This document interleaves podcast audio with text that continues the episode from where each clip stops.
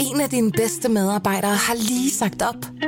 Heldigvis behøver du ikke være tankelæser for at undgå det i fremtiden. WinningTemp indsamler data gennem hyppige og anonyme medarbejderundersøgelser, så du lettere kan mærke pulsen på dine medarbejdere og støtte der, hvor der er behov. Kunder som Alfa Laval, Orkla og Volvo bruger allerede WinningTemp og ser, at det øger trivsel, reducerer turnover og hjælper med at fastholde talenter. Få gratis gennemgang allerede i dag på winningtemp.com.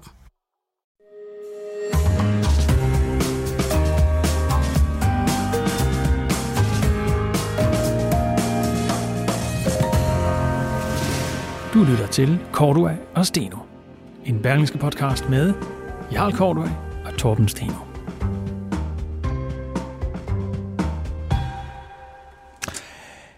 Det er jo et angreb på den danske model. Er den halve milliard mennesker i EU ikke klar over, at den danske model, det er verdens bedste arbejdsmarkedsmodel, og den har vi her i Danmark, og den er ukrænkelig. Ja, øh, sådan synes vi jo, øh, som, om så mange ting her i Danmark, sådan synes vi jo selv, at det er. Øh, men det er det åbenbart ikke, og i den her uge, der vedtog EU nemlig at indføre øh, mindsteløn, altså lovvedtaget mindsteløn, og det går vi ikke ind for i Danmark. Og så er det, jeg nu skal sige, at så ville vi jeg og vi var meget glade for, at vi havde et øh, tilsavn fra øh, regeringspartiets beskæftigelsesordfører Henrik Møller, en af stamgæsterne her i den borgerlige bodega, er om, at han øh, skulle komme og forklare, hvad man har tænkt sig at gøre ved det.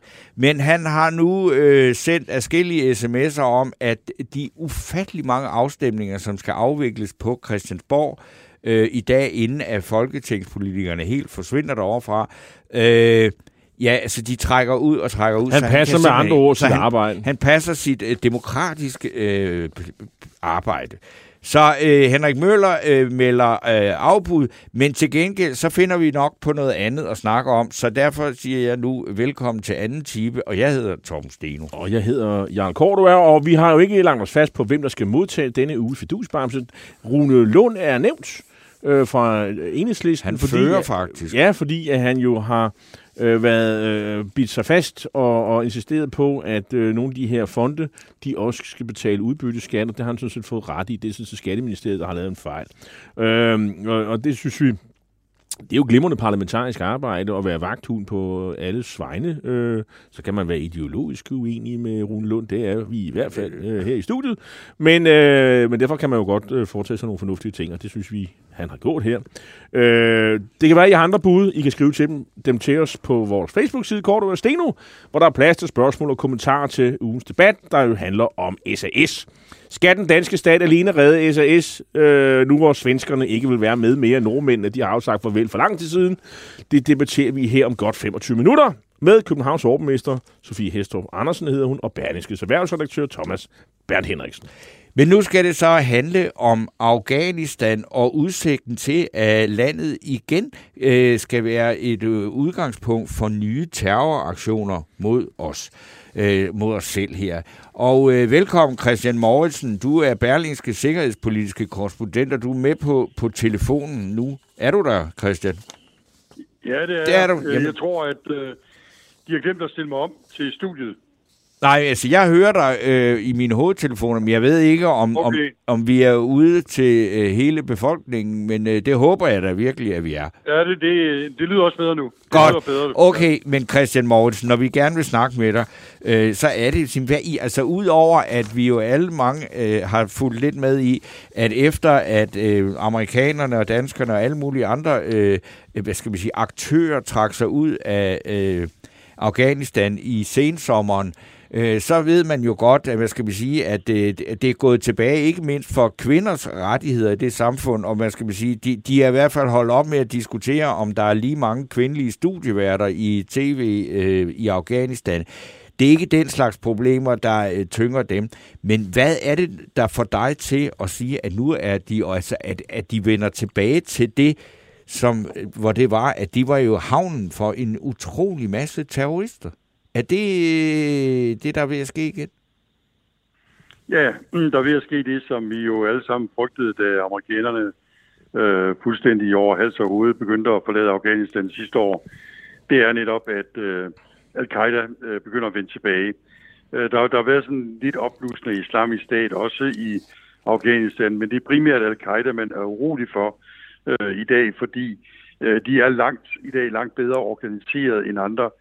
Og Taliban er simpelthen, i hvert fald en stor del af Taliban, har i virkeligheden omfavnet al-Qaida igen, ligesom de gjorde øh, i slutningen af 90'erne, øh, der førte jo til øh, den amerikanske invasion efter 9-11. De har simpelthen omfavnet de her al-Qaida-folk igen, øh, med det resultat, at de får muligheden for at sidde i deres øh, lejre i Afghanistan og planlægge alle mulige terroraktioner imod øh, de vestlige lande. Og det er også derfor, der har været en kongreshøring med nogle amerikanske eksperter, som vidderligt kender øh, til problematikken og siger, at øh, i ly af krigen i Ukraine, så ser vi altså desværre en opblusning af professionalismen i al-Qaida, som gør, at vi formentlig inden for øh, nogle år, fem år, eller nogen, der siger, kan se en opblusning af terroraktioner, som vi kendte dem øh, for nogle år siden. Måske ikke i 9-11-størrelsen, men, men dog øh, i Øh, størrelse, som er øh, voldsomt ubehagelig. Vi har jo næsten glemt terrorismen, og det er jo det, der er problemet, det er, at vi har andre problemer at kigge på, og det har amerikanerne jo også, ikke mindst Ukraine og Kina, så vi glemmer fuldstændig, hvad det er, der foregår i Afghanistan. Og det er ifølge de her amerikanske eksperter øh, absolut øh, foruroligende. Jeg, jeg tænker jo tænker på, øh, når jeg ser det der, øh, hvem var det, der egentlig gjorde, hvad de kunne for at få destabiliseret den øh, øh, afghanske regering og understøtte Taliban. Det var Pakistan, og, og øh, når man taler Pakistan, så er det Pakistans efterretningstjeneste. Nu viser det sig som, ja. hvis man læser din artikel, at nu, nu, nu, nu kommer problemerne til Pakistan. Altså nu, nu er de jo faktisk ja. fået de problemer, Øh, altså, de, de, de har været rigtig gode til at konspirere mod USA og Vesten, og, og nu får de deres egne problemer, fordi øh, er vi sikre på, at al-Qaida er mest optaget af at genere Vesten, eller, eller er al-Qaidas mål at destabilisere andre øh, regimer i, øh, i Mellemøsten? Hvad er målet? Det, det paradoxale er jo, at øh, begge dele er rigtigt. Altså, øh, der er jo endnu mere paradoks i det, at Afghanistan er jo i skudlinjen fra øh, en del af en gren af, af Taliban og al-Qaida, øh, netop øh, fordi at man ønsker at destabilisere det pakistanske styrker, øh, øh, styre og styrte det. Øh, og det andet paradoks er, at Iran, som jo er shia-muslimsk i modsætning til al-Qaida, som er sunni-muslimsk, har jo huset al-Qaida-folk, øh, simpelthen fordi øh, de, øh, de ønskede at holde øje med dem, og de har også boet der øh, i, i Iran. Men iranerne er også begyndt at blive urolige. Pakistan og Iran og forskellige andre lande, øh, helt over til Indien, er begyndt at blive temmelig urolige for det her, fordi der er grene i al-Qaida, øh, som øh, hvad hedder det, ønsker at øh, destabilisere og styrte øh, de her regimer, især Pakistan. Men det er altså en meget, meget øh, dobbelttydig rolle, øh, det her øh, spiller, fordi øh, en, en stor del af Taliban, som jo også støtter al-Qaida i, i, i Afghanistan, en stor del af Taliban i, i Pakistan støttes jo af, af, af Pakistan, netop for at holde, formentlig for at holde den krig nede af al-Qaida, som ønsker at omstyrte Pakistan.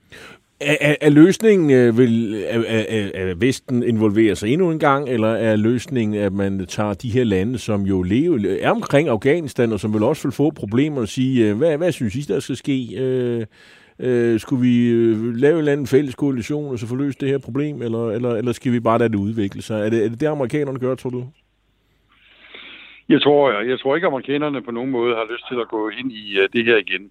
Men det, der ligger en klar advarsel om fra, uh, fra det amerikanske Homeland Security, uh, som er den, der overvåger uh, sikkerheden i hjemlandet, men som også har selvfølgelig grene ud til det er, det er den klare opfordring fra uh, de her eksperter, det er hold øje med, hvad der foregår.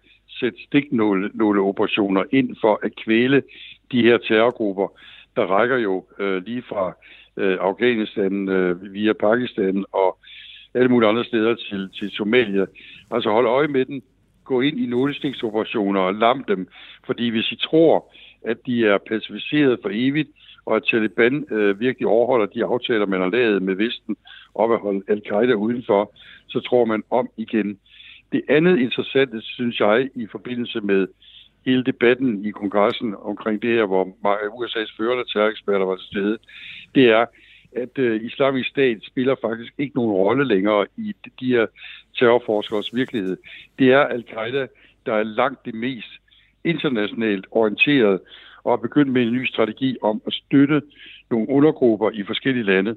Og det er også derfor, de konkluderer, at det kan godt være, at vi ikke får terroraktionerne i første omgang i USA, eller Europa for den sags skyld, men vi får det imod amerikanske og europæiske interesser i Indien og Pakistan og i, i Afrika. Altså i det hele taget der, hvor de i forvejen øh, er stærke, og hvor de kan ramme øh, europæiske mål uden at risikere for meget. Det er der, vi kommer til at se aktionerne i første omgang, hvis man tror på øh, de amerikanske eksperter, hvad der er særdeles god grund til. Hvad, hvad, hvad øh, tænker man i de vestlige lande? Altså, hvilke forholdsregler er man i gang med at tage på det her? Jeg tror ikke, jeg tror ikke man, man, tager det, øh, man tager det alt for let.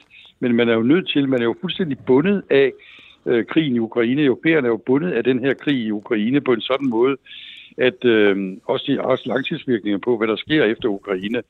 Øh, de er jo bundet på en sådan måde, at man, man lukker jo øjnene for det, der foregår andre steder i verden. Man lukker jo totalt øjnene for øh, det moras, man har efterladt i Afghanistan. Du nævnte selv øh, spørgsmålet om kvinder, der nu skal gå i burka, og, og øh, hvad hedder det, pigeskoler, der bliver lukket, og alt muligt andet. Men lukker jo øjnene for, hvad der, der foregår, hvad det er for en moras, vi har efterladt dernede. Mm. Og det kan man jo kun gøre til en vis grad, fordi lige pludselig så kommer der altså en interaktion, måske i første omgang mod europæiske og amerikanske interesser, som jeg nævnte, i andre lande. Men, men det bevæger sig jo hastigt imod Europa og USA, og på et tidspunkt kommer terroren også til at være et emne, vi er nødt til at tage men, alvorligt igen. Og det, øh, og det er jo selvfølgelig øh, helt oplagt, at vi taler om det. Men hvis man sådan nøgtern kigger på det, har, har vi ikke opgraderet temmelig meget på sikkerhed og sådan noget siden øh, altså 9-11. Altså det, det kan jo for det første næppe ske i dag, at man kaber en flyvemaskine. Øh, det er i hvert fald ikke sket siden. Nej. Og, øh, og altså, der, altså, det, det er det svære, øh, i, i hvert fald i Vesten, hvor det måske er nemmere at, at gennemføre den slags øh, terroraktioner i, hvad ved jeg, i Mellemøsten, hvor man jo også har, har mål. Og, og, altså det, det er bare, at sige, altså naiviteten i Vesten, den, den, det er længe siden, vi har, vi har, vi har været der. Øh, det var det ene spørgsmål. Det andet spørgsmål, det er, er ledelsen. Altså ledelsen af al-Qaida, det er ham her, Ayman al-Zawahiri. Han befinder sig i, ja. i, øh, i, øh, i, i, i Afghanistan. Øh, øh, altså, er det ikke noget, man kunne prøve at ramme, eller hvad? Øh, sådan et mål? Jo, altså for at tage det første før, altså, det, det er jo, altså vi har jo opgraderet vores sikkerhed ganske betydeligt siden 9-11. Problemet er, at Al-Qaida er jo også begavet, og de har opgraderet deres øh, strategier jo ganske betydeligt også. Hvis du først er inde i USA, eller hvis du først er inde i Europa, så kan du bevæge dig frit rundt. Og terrormidler behøver ikke at være lige så avanceret, som det var under 9-11. Du kan tage en lastbil, som vi har set flere gange i Europa, senest i Berlin i går, og simpelthen køre op på et fortov og så dræbe en 10-12 mennesker.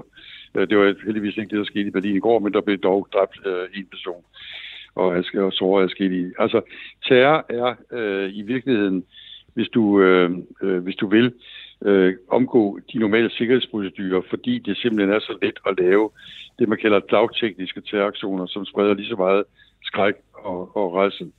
Og med hensyn til, øh, til øh, lederen af al-Qaida, så er han jo lige så svær at fange som Osama bin Laden. Prøv at tænke på, hvor mange år det tog, før at Obama, oh, da den amerikanske præsident, fik fat på ham. Det tog enormt lang tid.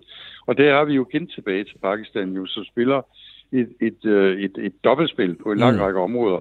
Vi ved jo simpelthen ikke, om, øh, om, om, han, om han er i stand til at, at skjule sig også i Pakistan, øh, og, eller hvor han er i stand til at gøre det, fordi der er simpelthen alt for mange, øh, der er så bange for deres egen sikkerhed, at de lukker øjnene i det, i det område også, at de lukker øjnene for, hvad der foregår inde i al-Qaida. Og al-Qaida er, altså det bedømmes af terroreksperter til at være, og det er det jo altid det bedømt til, at være meget skarpe hoveder, der sidder og er i stand til at tænke meget utraditionelt på, hvordan man rammer Vesten. Og vi så det jo selvfølgelig med 9-11. Vi har også set det med andre aktioner. De er ret skrabe til at finde vores svage punkter. Men Christian Mortensen, altså vi tænker helt tilbage til 9-11 øh, og 2001 og alt det der, så var der jo også en, en hvad skal man sige, en politisk øh, formuleret øh, strategi bag, øh, hvad al-Qaida foretog sig af angreb på Vesten. Ikke? Nu Øh, Ja. så, altså har de formuleret, hvad er det egentlig, de vil opnå? Altså, øh, for- og, og islamisk stat, det var så dejligt nemt, fordi det ville, de ville lave et kalifat i det område, de øh, øh, havde sat sig på. Hvad er det, al-Qaida vil opnå? Jamen, i virkeligheden noget af det samme, som, som Osama Bin Laden gerne ville dengang. Altså, det er jo øh, paradoxalt nok øh, stadigvæk øh, Saudi-Arabien, der er en af øh, al-Qaidas hovedfjender, fordi de, er tilladte, de har tilladt amerik- amerikansk indflydelse, amerikanske soldater øh, på saudisk jord, og fordi Saudi-Arabien rummer øh, de største helligdomme i øh, sunnimuslimsk islam. Så det er jo sådan set Saudi-Arabien stadigvæk, der er øh, ligesom deres hovedfjende øh, i, i det der. Og ud fra den øh, tanke om at få et kalifat med hovedsæde i, i Saudi-Arabien, Medina og så videre, øh, det der udspringer jo selvfølgelig også her til Vesten, fordi Vesten har haft den der kæmpe øh, indflydelse og har lavet regimeændringer, har lavet nationer af Mellemøsten, som gør, at man jo i al-Qaida stadigvæk den dag i dag tænker over, at man skal ramme øh, USA for at kunne ramme øh, Saudi-Arabien. Altså det vil sige, Så vi, det er- vi, ja, vi, det vi skal på. forvente en terroraktion mod amerikanske interesser fra al-Qaida, fordi at øh, den amerikanske og vestlige indflydelse i Saudi-Arabien for eksempel har tilladt, at kvinder fået lov at køre bil. Det, det, Ja, ja det, det, det, kan man, det kan man måske godt sige, men altså, det er jo klart nok, at øh, altså, øh, øh, Osama Bin Laden var jo selv sauder, kom ud fra en saudiarabisk familie, og var i begyndelsen jo støttet af rigmænd fra Saudi-Arabien.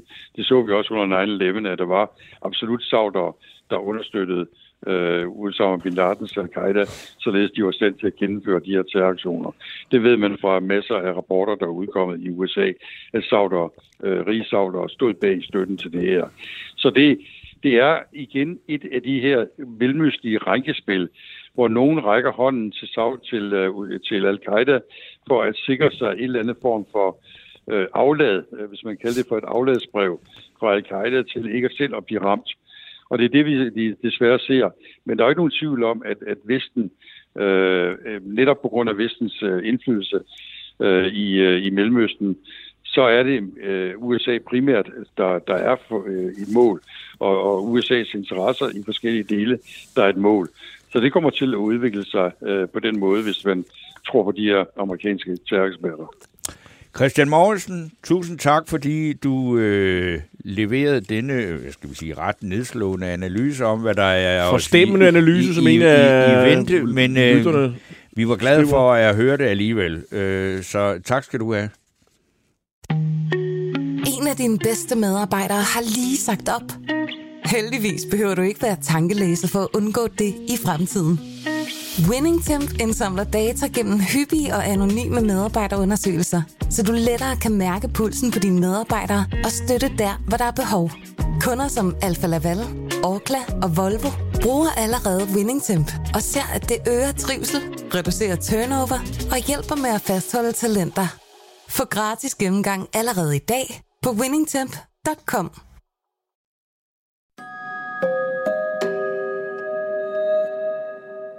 Ja, øh, det, er jo en, øh, det er jo en længere rejse, vi har været på, øh, Torben, siden klokken øh, 10.05. Øh, Ja. Og, og øh, ja, men altså... Vi Jeg hører, hvad du siger. Ja, jeg hører, du hører, ja. Øh, og, øh, men måske øh, kan vi jo genbesøge, øh, øh, hvad hedder det, øh, det her emne, vi lige Mens har... vi har lægger sporene, eller vi asfalterer, mens vi kører, Ja. eller vi, øh, hvad er nu, de siger? Ja. Og vi har jo stadigvæk mere på agendaen for resten af programmet. Ja, men, og vi har ja-hatten på. Det har vi altid. Øh, Og det er vi, fordi vi, det, det kræver vi for at få de der must-win battles. Dem skal vi jo vinde, jo. Ja, men vi er omstillingsparate, og det har vi jo været her i dag, fordi at Henrik Møller øh, sidder fast i en afstemning på Borg. Ja, han har visse udfordringer. Øh, så derfor, øh, men, men vi har dog ikke tænkt os øh, at lave om på øh, programmet Altså, sådan vi- fremadrettet. Fordi vi er agile. Ja, det er vi nemlig. Øh, så, øh, men vi er i en proces øh, med, at vores agenda faktisk blev slået lidt i stykker. Ja. Og øh, det her, det er bare nogle af de udtryk... Det kræver jo, at vi tænker ud af boksen. Ja, Og øh, nu tror jeg simpelthen også, at øh, altså, uha, det begynder at gøre ondt i ørerne. Ikke? Og Øh, grunden til, at vi øh, hygger os med det her, det er jo fordi, at, at øh, Djøf, øh, det her jo frygtelige øh, fagforening, som jeg er medlem af, ja, og, dansk og, og jurist og økonom. nogle forbund, øh, de har spurgt medlemmer, deres medlemmer, som jo er jurist og økonom, og skinpoler og mange andre, om hvad det er for nogle... Øh, Og flittige brugere af de flotte ja, og hvorfor nogle udtryk, de faktisk havde øh, at bruge. Og på en flot øh, førsteplads, der er det her med øh, rejse. Vi er på en rejse. Og det er det, og når man slår op i, i, i øh, erhvervsavisen, de her, der engang var, var, var laksefarvet, så, så, så, og en eller anden erhvervsleder skal beskrive, hvordan øh, han kom fra A til B, han startede hjemme i garagen, og så ja. pludselig blev det Apple, så har han været på en, en længere rejse. Ja. Øh, og, og, det, og, og når folk skal videre, så skal de også på en rejse. Og det, og det er der 11,2 procent, som synes, det er det værste, de, øh, de her bullshit-ord, kunne man Ja, men så er det nummer to, det er, jeg hører, hvad du siger. Og det undrer flot mig egentlig lidt, for jeg troede faktisk, det var gået lidt af mode. Fordi det, også det var meget sådan noget, man, man øh, bruger i psykologbranchen. Når, når en eller anden har fået betalt en formue for at fortælle om, hvor dårligt man har det, og så siger psykologen, jeg hører, hvad du siger, og så bliver der så skrevet en øh, regning ud. Og, og, og der er faktisk, man ligger, de, de, de top 3 ligger meget, meget tæt. Øh, det var 10,3 til, jeg hører, hvad du siger. Ja. Agil, Ja, det er også det fedt. er den 9,7, som Og træt af den, den har virkelig meget vind i sejlene i Det må man sige, ja. Der, er- jeg, jeg, jeg, jeg er aldrig sådan helt sikker. Det er sådan, jeg, jeg tror sådan omstillingsparat, det vist nok. Det, det, det synes jeg nu egentlig er, er bedre udtryk. Men jeg vil sige, kun hvis- 4 procent hader. 7,8 procent, vi lægger sporene, mens vi kører. Ja. Der, der vil jeg nok have lagt min stemme. Det er en af dem, man virkelig, virkelig, virkelig er træt af. Det her det er også for- forfærdeligt dansk. Spille hinanden gode. 6,7. Det var det, der hed, ja. vi samarbejder fornuftigt. Og Ja. Det, øh, ja. Øh, og, og must win battles. Øh, ja, jo. Øh, ja, så nede i, det, det giver jo meget øh, god mening nede i... Øh, i Donetsk og Luhansk områderne. Det, jeg, der, ellers så synes jeg, det er noget vrøvl. Men så er der ordet vækste. Det er så det er upoetisk grimt. Altså, er det helt vildt, kan vi ikke slippe for det. Ja. Øh, og så, jeg kan bare ikke forstå, hvorfor udfordringer ikke er med her, fordi det er det her positivistiske. Det er den, det er den, er Hvor det er nummer den henne? 13. Nummer 13 Ej, jeg, jeg den burde være selv. højt op.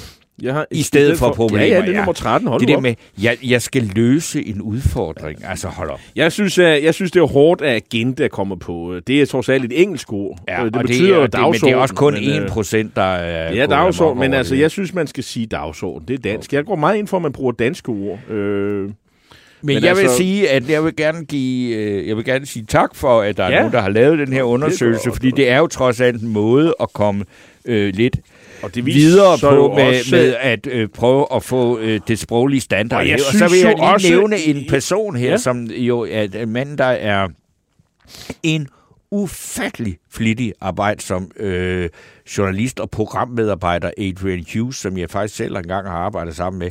Han øh, er, er også vært på det, der hedder Klog på Sprog. Mm. Og han er ude med en bandbulle øh, nu, og det synes jeg, altså, det er rart, at han siger det, fordi at jeg siger det, eller du siger det, har måske ikke helt samme gennemslagskraft, fordi når det handler er om hvide, sprog. hvide heteroseksuelle mænd. Men øh, ja, han, han er jo så godt nok meget hvid, øh, men øh, heteroseksuel, det er Adrian ikke. Men det behøver jo ikke at have noget med sagen at gøre. Nej. Men han siger øh, her i den her uge, altså alle jeg kender bruger udelukkende stedord som de eller dem om flere personer. Hvis man bruger dem om enkeltpersoner, skaber det simpelthen forvirring.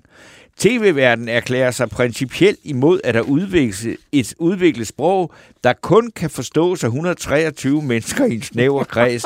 Det kan også i sidste ende have negative konsekvenser for de transkønnede og non-binære. Og det er jo det her med de her, øh, hvad er det pronomenord? Ja, Ja. og han siger, så fortsætter og siger, i virkeligheden tror jeg, at det giver større modvilje mod non-binære personer, at de prøver at vride armen rundt på helt almindelige menneskers sprog, i stedet for, at vi bare taler almindelig dansk til hinanden. Tak for øh, ja. skideballen, øh, Adrian.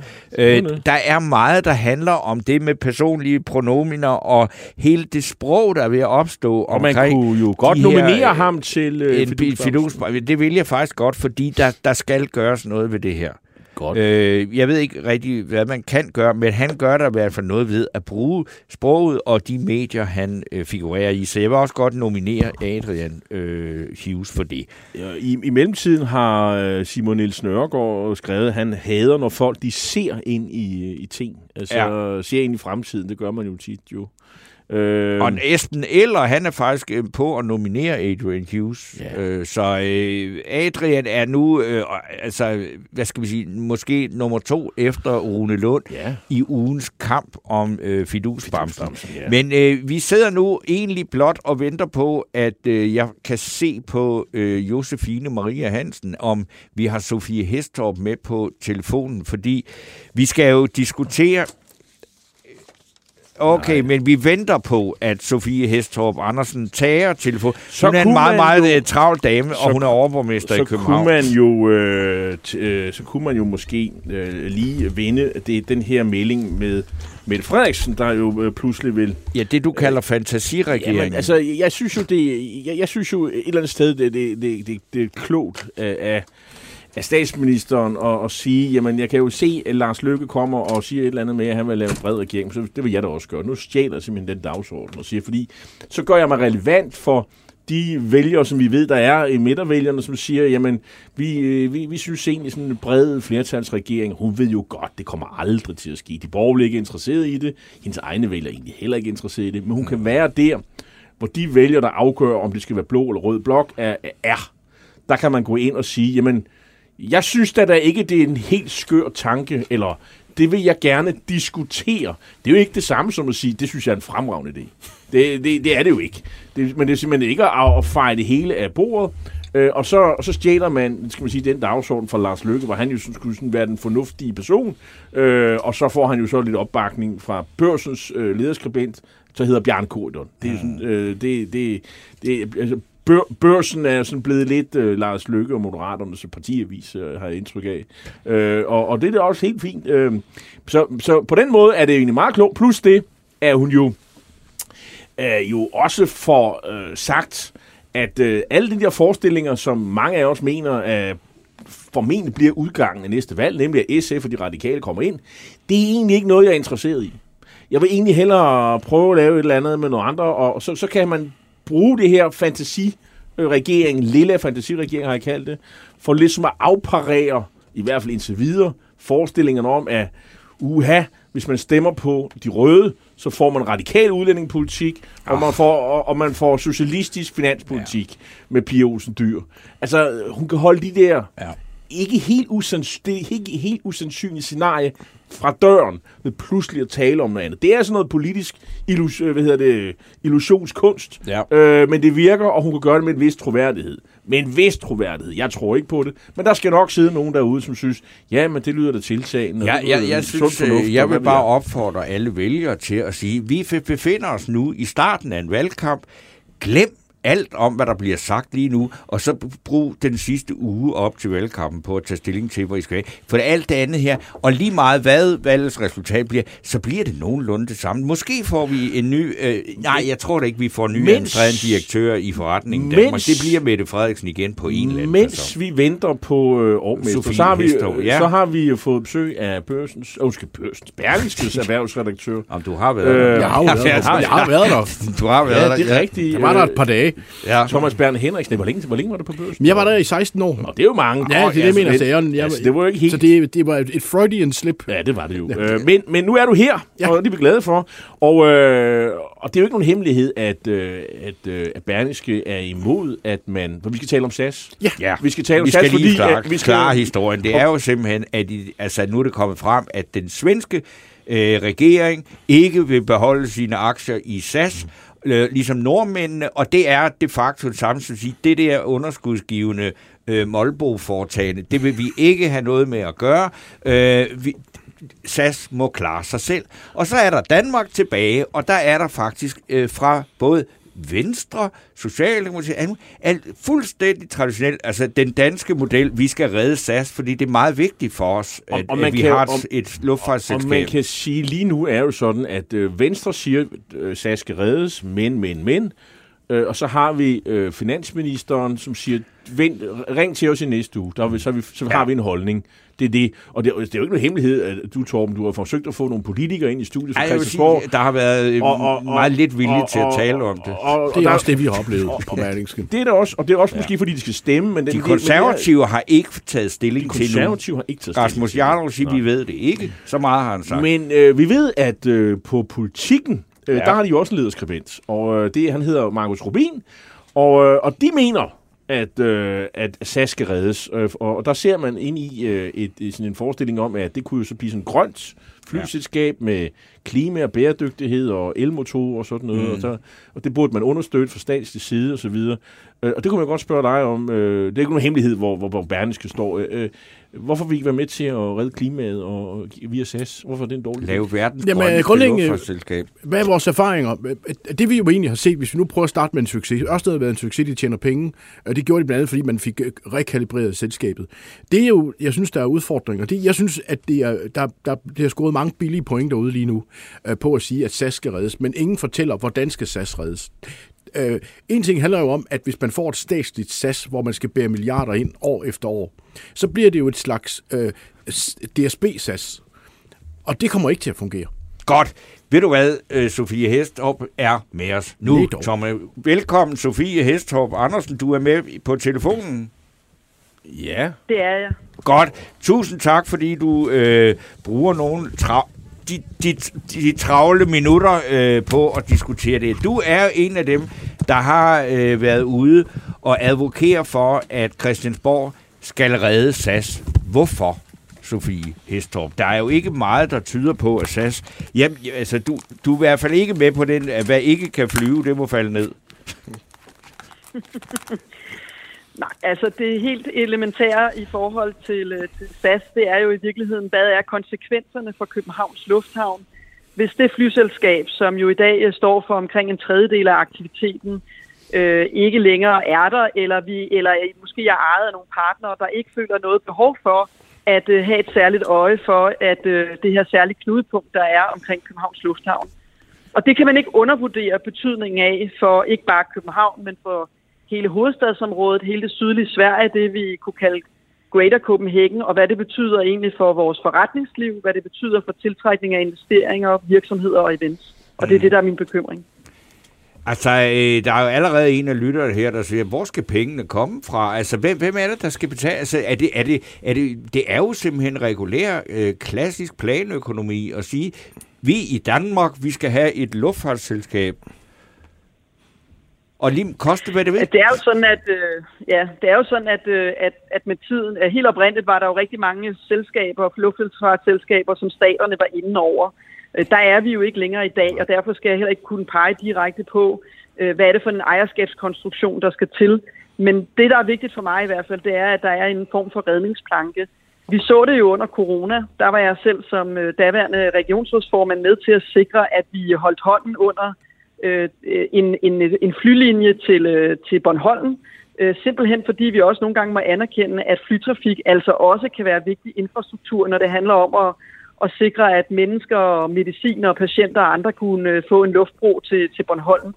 Det her er en lidt anden situation, men ikke desto mindre, så tror jeg, det er rigtig vigtigt, at vi ser vores Københavns Lufthavn som en fuldstændig vigtig, essentiel infrastrukturdel af hele, vores, af hele Danmark, og vores mulighed for at skabe øh, vækst og udvikling, øh, og meget gerne på grønne betingelser, for det er jo også det, lufthavn og luftfartsselskaberne kigger på. Men, men vi bliver simpelthen nødt til at forstå, at det her er en vigtig del af, af den rige, det rige velfærdssamfund, vi også har, og det er, at vi kan betale til det. Vigtig, essentiel infrastruktur. Dansk øh, erhverv øh, er, er enig i det her. Øh, hvad hedder det? Dansk Industri med formand, af øh, hvad hedder det, direktør Sandal er også en, øh, øh, øh enig i det her. Erhvervsavisen, øh, Københavneravisen, Berlingske er imod. Hvordan hænger det sammen? Jamen, det vi er imod, det er jo, at man altså laver, træffer beslutninger, hvor man ikke har, tænkt konsekvenserne igennem. Og det vi jo altså står i lige nu, og det er der, jeg mener, at de her politiske meldinger sådan set risikerer at gøre situationen værre. SAS står lige nu i en eksistenskrise, hvor man skal gennemføre en meget grundig øh, genopbygning. Og der, der foregår der eksempelvis nogle fagforeningsforhandlinger nu om at genskabe et SAS, der faktisk kan hvile i sig selv. Og nu hører vi så politikere stå klar med at bære penge ind i SAS, selvom man ikke engang har taget stilling til, om det i øvrigt kan leve op til EU's regler om statsstøtte. Øh, og, og, og vi ser i øvrigt, og det, det, har jeg sådan set, øh, det kan man jo sådan diskutere om staterne, det er ikke usædvanligt, at stater aktionerer i lufthavne i, i verden. Det ser vi øh, KLM og France, der er staterne inde. Der er mange, stadigvæk mange stater, der ejer aktier i lufthavn. Men det vi må sige med SAS, og den erfaring vi har med SAS, det er at have et selskab, der er permanent nødlidende, øh, og for dyrt, det er ikke vejen frem for SAS, fordi så får vi ikke et godt øh, luftfartsselskab, og så får vi altså bevæ- SAS bevæge sig fra krise til krise, som vi i øvrigt har set de sidste 10-15 år. Sofie Hestorp, gør det ikke indtryk på dig, at nordmændene og svenskerne simpelthen ikke gider mere? Nordmændene, de stod allerede i 18. Så nu er, der, nu er SAS dansk. Ja, nu skal man huske på, at en af grundene til, at nordmændene jo også i sin tid stod, tid, sin tid stod af, det er jo så fordi, at øh, de jo også har luftfartsselskabet Norwegian, øh, som man jo satsede på i mange år i forbindelse med Oslo og gøre Oslo Lufthavn til, til det knudepunkt, som vi jo ikke i samme omfang har et ønske om, at de skal være. Så det, der i virkeligheden er på spil her, det er jo øh, i fremtiden, når vi skal ud i verden, øh, både for ikke bare turister, fordi det er jo en del af det, men særligt i høj grad øh, som forretningsdrivende, når vi skal ud i verden i fremtiden, så skal vi, skal vi så acceptere, at det foregår via Oslo eller via Stockholm, eller skal vi have en sikkerhed for, at det er København, der er det her vigtige knudepunkt for resten af verden? Og det er jo det, der er på spil. Nordmændene har haft store interesser i at opbygge Norwegian som, øh, som, som deres øh, som deres øh, hvad hedder det, selskab, man direkte eller indirekte kunne sikre, at man havde nogle ordentlige muligheder for at rejse ud. Det har de dygtigt gjort. Men det er også derfor, det er vigtigt, at vi sætter os ned og ser på, hvilke muligheder har vi for at, at sikre, at, at SAS, selvfølgelig med nogle krav til, at, øh, at København er et særligt knudepunkt, kan fortsætte. Og så, og så har man jo reelt åbnet for, at SAS skal være på permanent statsstøtte. Og der må vi sige, at erfaringerne med det, det er jo, at, at der har man så egentlig ikke reelt taget stilling til, hvad er det, at flymarkedet er. Når det gælder DSB, så har vi en monopolsituation. Folk synes, at DSB-billetter er meget dyre. Der er ingen rigtig konkurrence. Men vi må jo erkende, når vi kigger på os selv, og vi kigger på, hvordan danskernes rejseadfærd de køber de billigste billetter. Og der må vi jo så bare konstatere, at, at danskerne er ekstremt prisfølsomme, når det gælder øh, deres øh, flybilletter.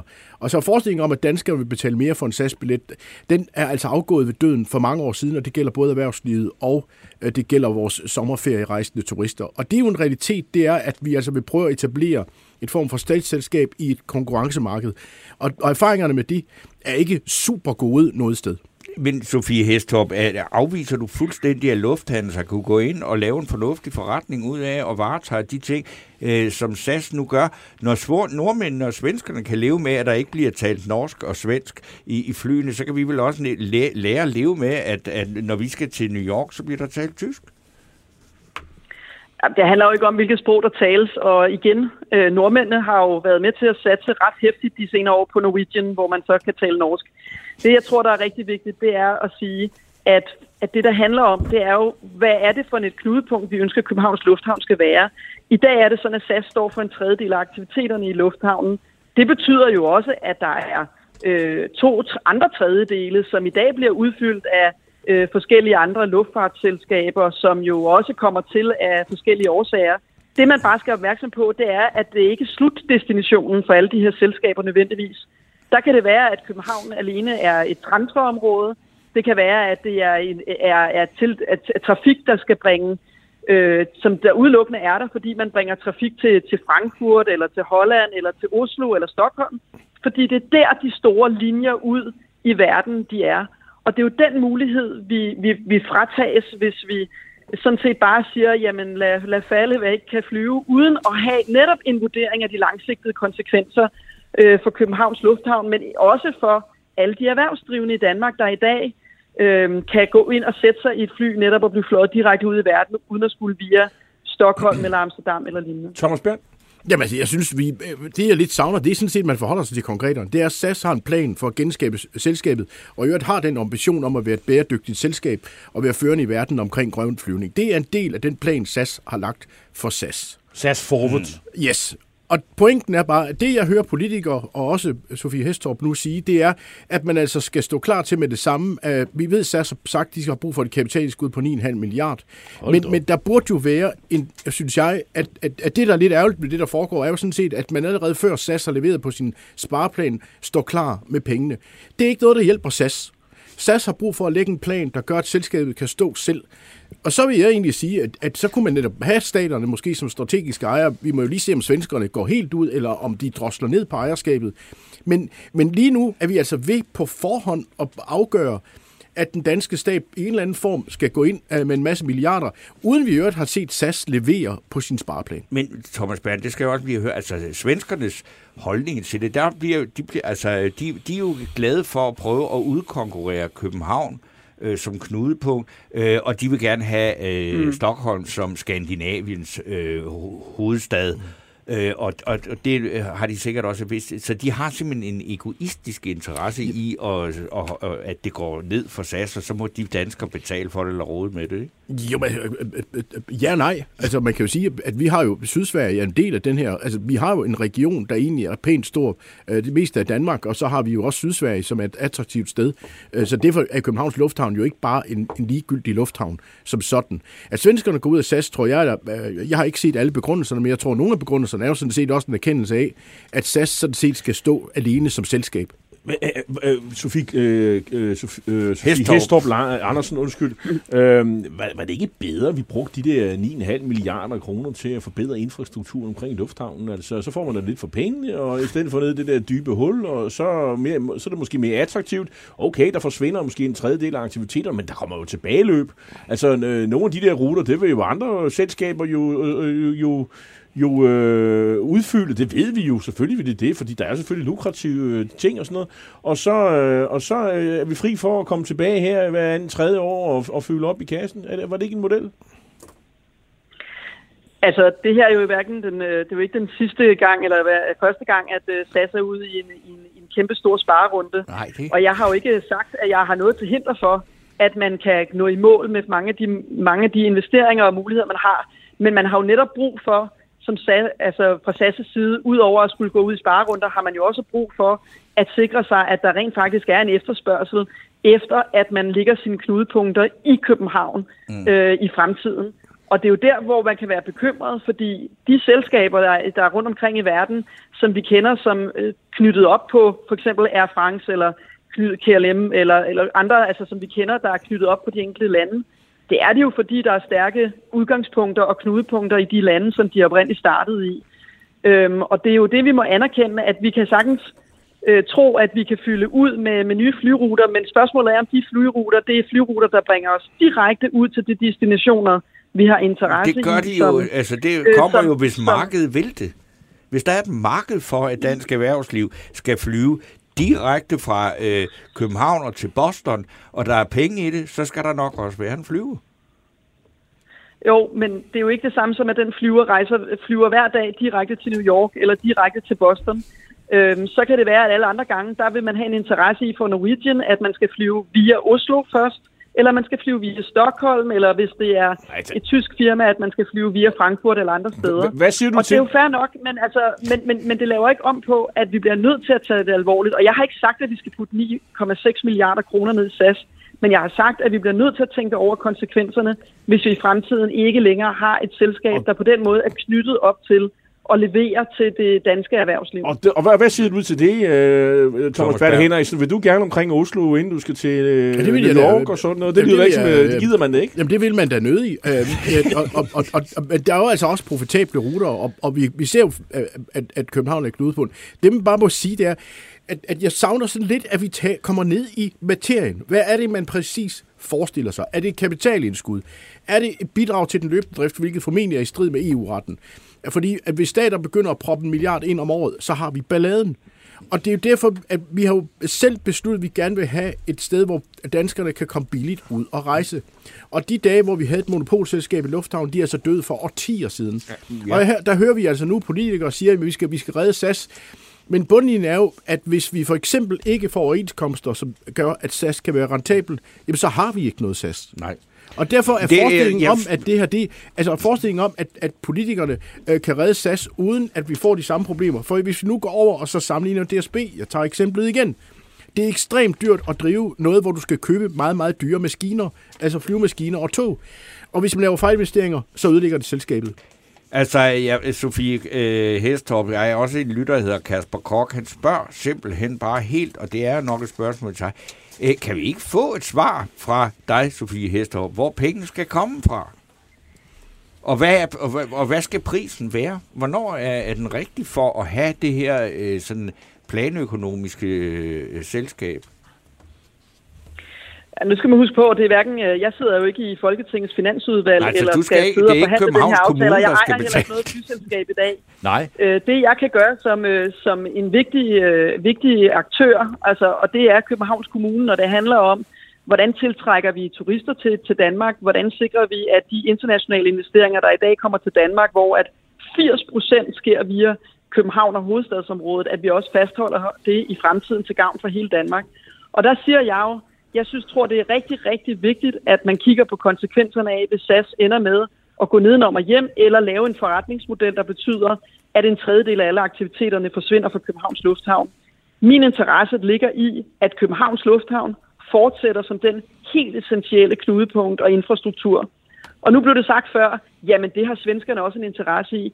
Nej, det er ikke det, vi har oplevet i de mange år, jeg har akt- Ej, jeg sagde, jeg sagde hvis det var det, at svenskerne har en interesse i at ødelægge det.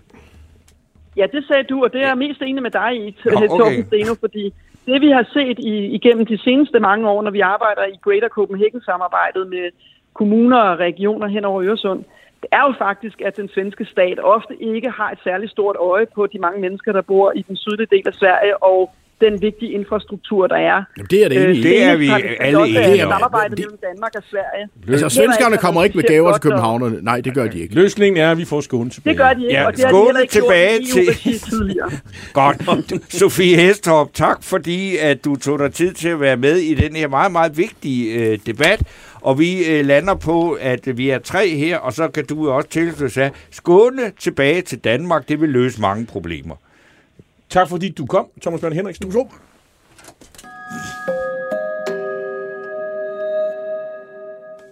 Ja, og vi mangler jo at, at få afgjort, hvem der skal have ugens uh, fidusbarn. Vi har to kandidater. Uh, nogen, der uh, slet ikke er, har været med i opløbet, det er uh, Fredericia Kommunes uh, tidligere borgmester, uh, Jakob Bjerregaard, og uh, kommunens uh, tidligere uh, kommunaldirektør, uh, en kvinde, jeg har hvis navn, jeg har glemt. Det, det er heller ikke det interessante. Øh, alle har måske set den video, hvor de dansede sådan meget tæt, og der blev antydet, at de havde et forhold øh, og så videre. Øh, der har de i hvert fald øh, er det sådan, at øh, at øh, man har øh, der har været den her sag om, at man øh, at de blev tiltalt og øh, nej, undskyld, at der, der har jo været den her undersøgelse øh, fra øh, statsadvokaten og, om hvorvidt der kunne rejses en straffesag øh, i forbindelse med en øh, køb af en byggegrund. Det var Jacob Bjerregaard, der mente, at han havde købt en, en eller man mente, at Bjerregaard havde købt en byggegrund i Fredericia øh, på sådan øh, nogle, nogle forhold, der er ligesom, øh, hvor de almindelige øh, skal man sige, øh, øh regler var, var, var ligesom øh, sat ud af kraft. Men nu har statsadvokaten Viborg altså truffet afgørelse om, at øh, der altså ikke er beviser til at kunne rejse en straffesag. Øh, og, øh, og, og det er de selvfølgelig øh, heldige. Det er selvfølgelig de nok øh, glade for. Man kan sige, at øh, det er jo en sag, der har været øh, hvad skal man sige, Den har jo fyldt en del, ikke? og Fredericia er kommet på landkortet ja. som værende en af de mest mærkværdige kommuner i kommunaldirektør, Danmark. kommunaldirektøren hed jo Anne-Marie Sarkobro. Ja. Ja. Øhm, men øhm, øh, man kan sige, at Bjerregårds politiske karriere, den er jo slut. Ja. Øh, og, og, og, og, og kommunaldirektøren skal nok, øh, der nu også er suspekt, eller øh, hun, har, hun er jo ikke kommunaldirektør mere. Øh, hun, skal, hun har formentlig, jeg ved ikke, hvad hun laver i dag, men øh, det, hun, hun er næppe kommunaldirektør andre steder. Så det, det har haft visse konsekvenser for de to, øh, mm. den her sag, selvom de jo altså ikke nu bliver tiltalt øh, på grund af manglende beviser. Øh, sådan er det. Men Ved du hvad, vi, øh, vi har, øh, ja, siger og skriver ni minutter tilbage af den her udsendelse, og, Og- der, det vælter, der, er- og jeg er meget glad for alle de øh, meget aktive, ikke lyttere og seere, men trods alt kun lyttere, der er her hos os, øh, der mener noget om mangt og meget øh, i øh, det, vi har talt om i dag. Og jeg vil lige læse en af dem op, den kommer fra Lars Holmgaard Bak. Når selv kronprinsen flittigt bruger irriterende anglicismer om sine egne aktiviteter, så ser det sort ud for det danske sprog. Hans event hedder jo ikke et kongeligt løb, men Royal Run, hvor man ikke øh, kan løbe en mil, men one mile. Og jeg vil gerne sige, at Lars Holmgaard Bak, jeg er så enig, altså at øh, det er helt, øh, altså hvad skal man sige, kronprinsen taler et øh, for en øh, kronprins at være et øh, ret ringe dansk. Øh, og det øh, synes jeg faktisk, han burde øh, tage og tage sig lidt sammen. Men øh, han er, Frede er jo sådan en flink og rar mand, øh, nærmest harmløs, og det er der jo så mange, der synes, at, at gør, at man ligesom kan bære over med hvad som helst. Men hvis ikke kongehuset øh, kan være med til at stå vagt om det danske sprog, så, øh, så synes jeg, at øh, der er noget galt. Og en måde kan man sige, at øh, dronning Margrethe har været god til, så er det det. Så er der Bjarne R. Rask, der lige, og det vil jeg sige, det er også fordi, jeg kan mærke, hvor, hvor, hvor meget jeg er enig. Det er, han skriver omkring de her forfærdelige øh, udtryk, øh, som vi bruger hele tiden, og det, er, og det er ikke med på Djøfs liste, men det er tapper ind i. Det er godt nok også et slemt udtryk. Øh, så der er jeg enig. Og så er der jo så øh, alligevel øh, en... Øh, en enkel, altså en, øh, hvad skal man sige, en person, som har leveret noget i denne her uge, som jeg var lige ved at nominere til en øh, fidusbamse, men jeg har så alligevel ikke øh, gjort det, eller jeg har ikke gjort det, fordi der er så mange andre gode bud. Øh, men øh, det er øh, klinisk psykolog, Ph.D. og specialist i psykoterapi, Morten Fenger.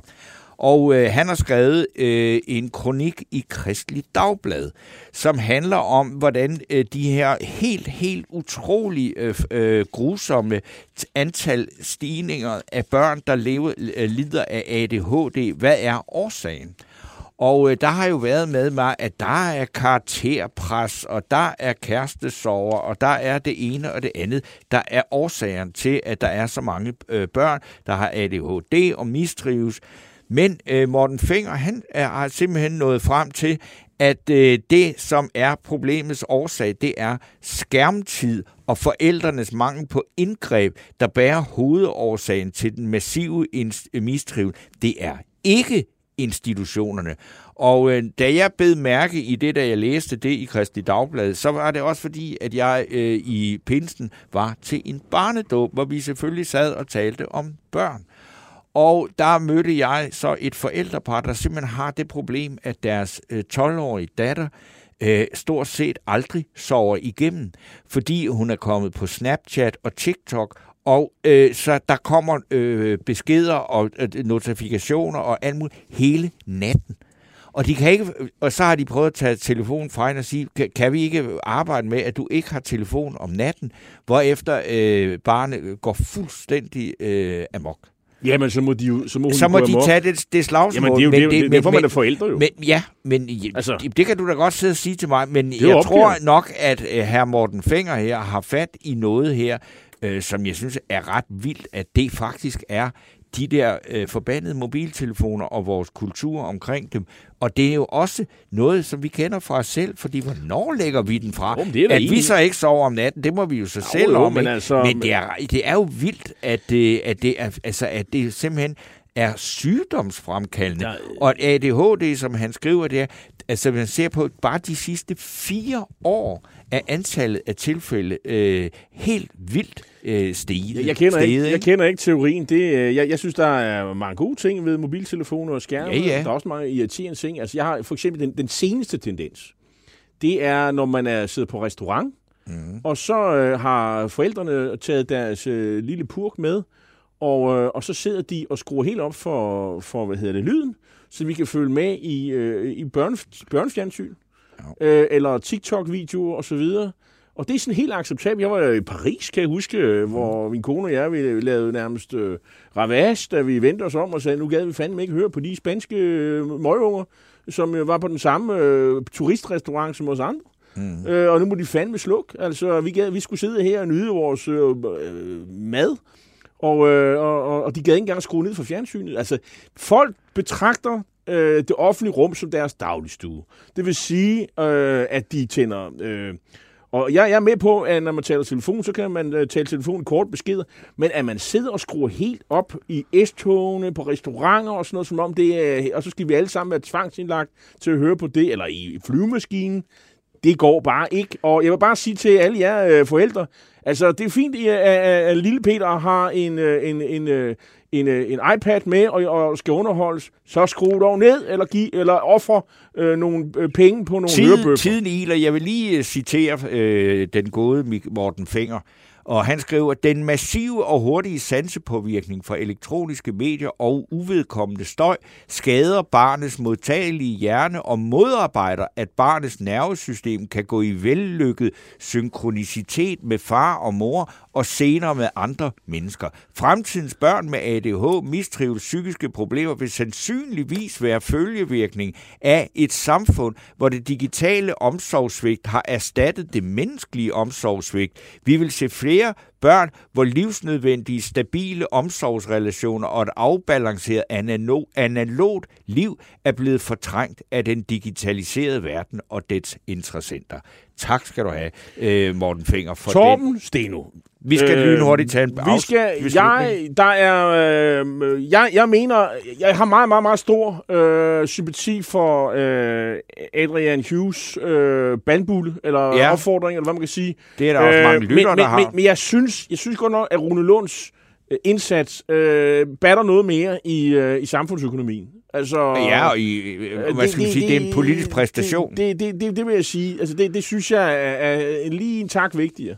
Øh, så så ja, jeg vil sige, øh, at jeg synes, at Rune Lund skal have øh, fidusbamsen. Det, jeg vil også sige, det, det, der er jo et eller andet særligt over at give en fidusbamse til et øh, ovenikøbet et medlem af Folketinget for enhedslisten, øh, som øh, udretter noget politisk øh, fornuftigt. Der er, der er faktisk kun Christian Juhl, der har fået den før, og så mener Nikolaj Willumsen også en enkelt gang. Skipper måske. Jamen det, ja. Så, så nu er det, det så, det, så borger, det borgerlige øh, højorienterede program har givet ja, fidusbams til en for enhedslisten. Vi to højre radikale, helt helt vanvittigt usympatiske, ja. øh, onde mennesker. Øh, vi giver en øh, fidusbamse I til Rune Lund. sad Josef Fine M. Hansen. Øh, det er imponerende, hvad man kan nå øh, inden, på syv minutter, inden at vi går i gang. Øh, og, øh, og, i, øh, og som producerassistent var det i dag Leo Louis. Louis Feigenberg. Og så kan jeg bare sige, at i næste uge, der er vi tilbage med den årlige festivalen for den politiske sang i Cordova Steno med Stinus Lindgren og Marie Bjerre. Tak for det. En af dine bedste medarbejdere har lige sagt op. Heldigvis behøver du ikke være tankelæser for at undgå det i fremtiden. WinningTemp indsamler data gennem hyppige og anonyme medarbejderundersøgelser, så du lettere kan mærke pulsen på dine medarbejdere og støtte der, hvor der er behov. Kunder som Alfa Laval, Orkla og Volvo bruger allerede WinningTemp og ser, at det øger trivsel, reducerer turnover og hjælper med at fastholde talenter. Få gratis gennemgang allerede i dag på winningtemp.com.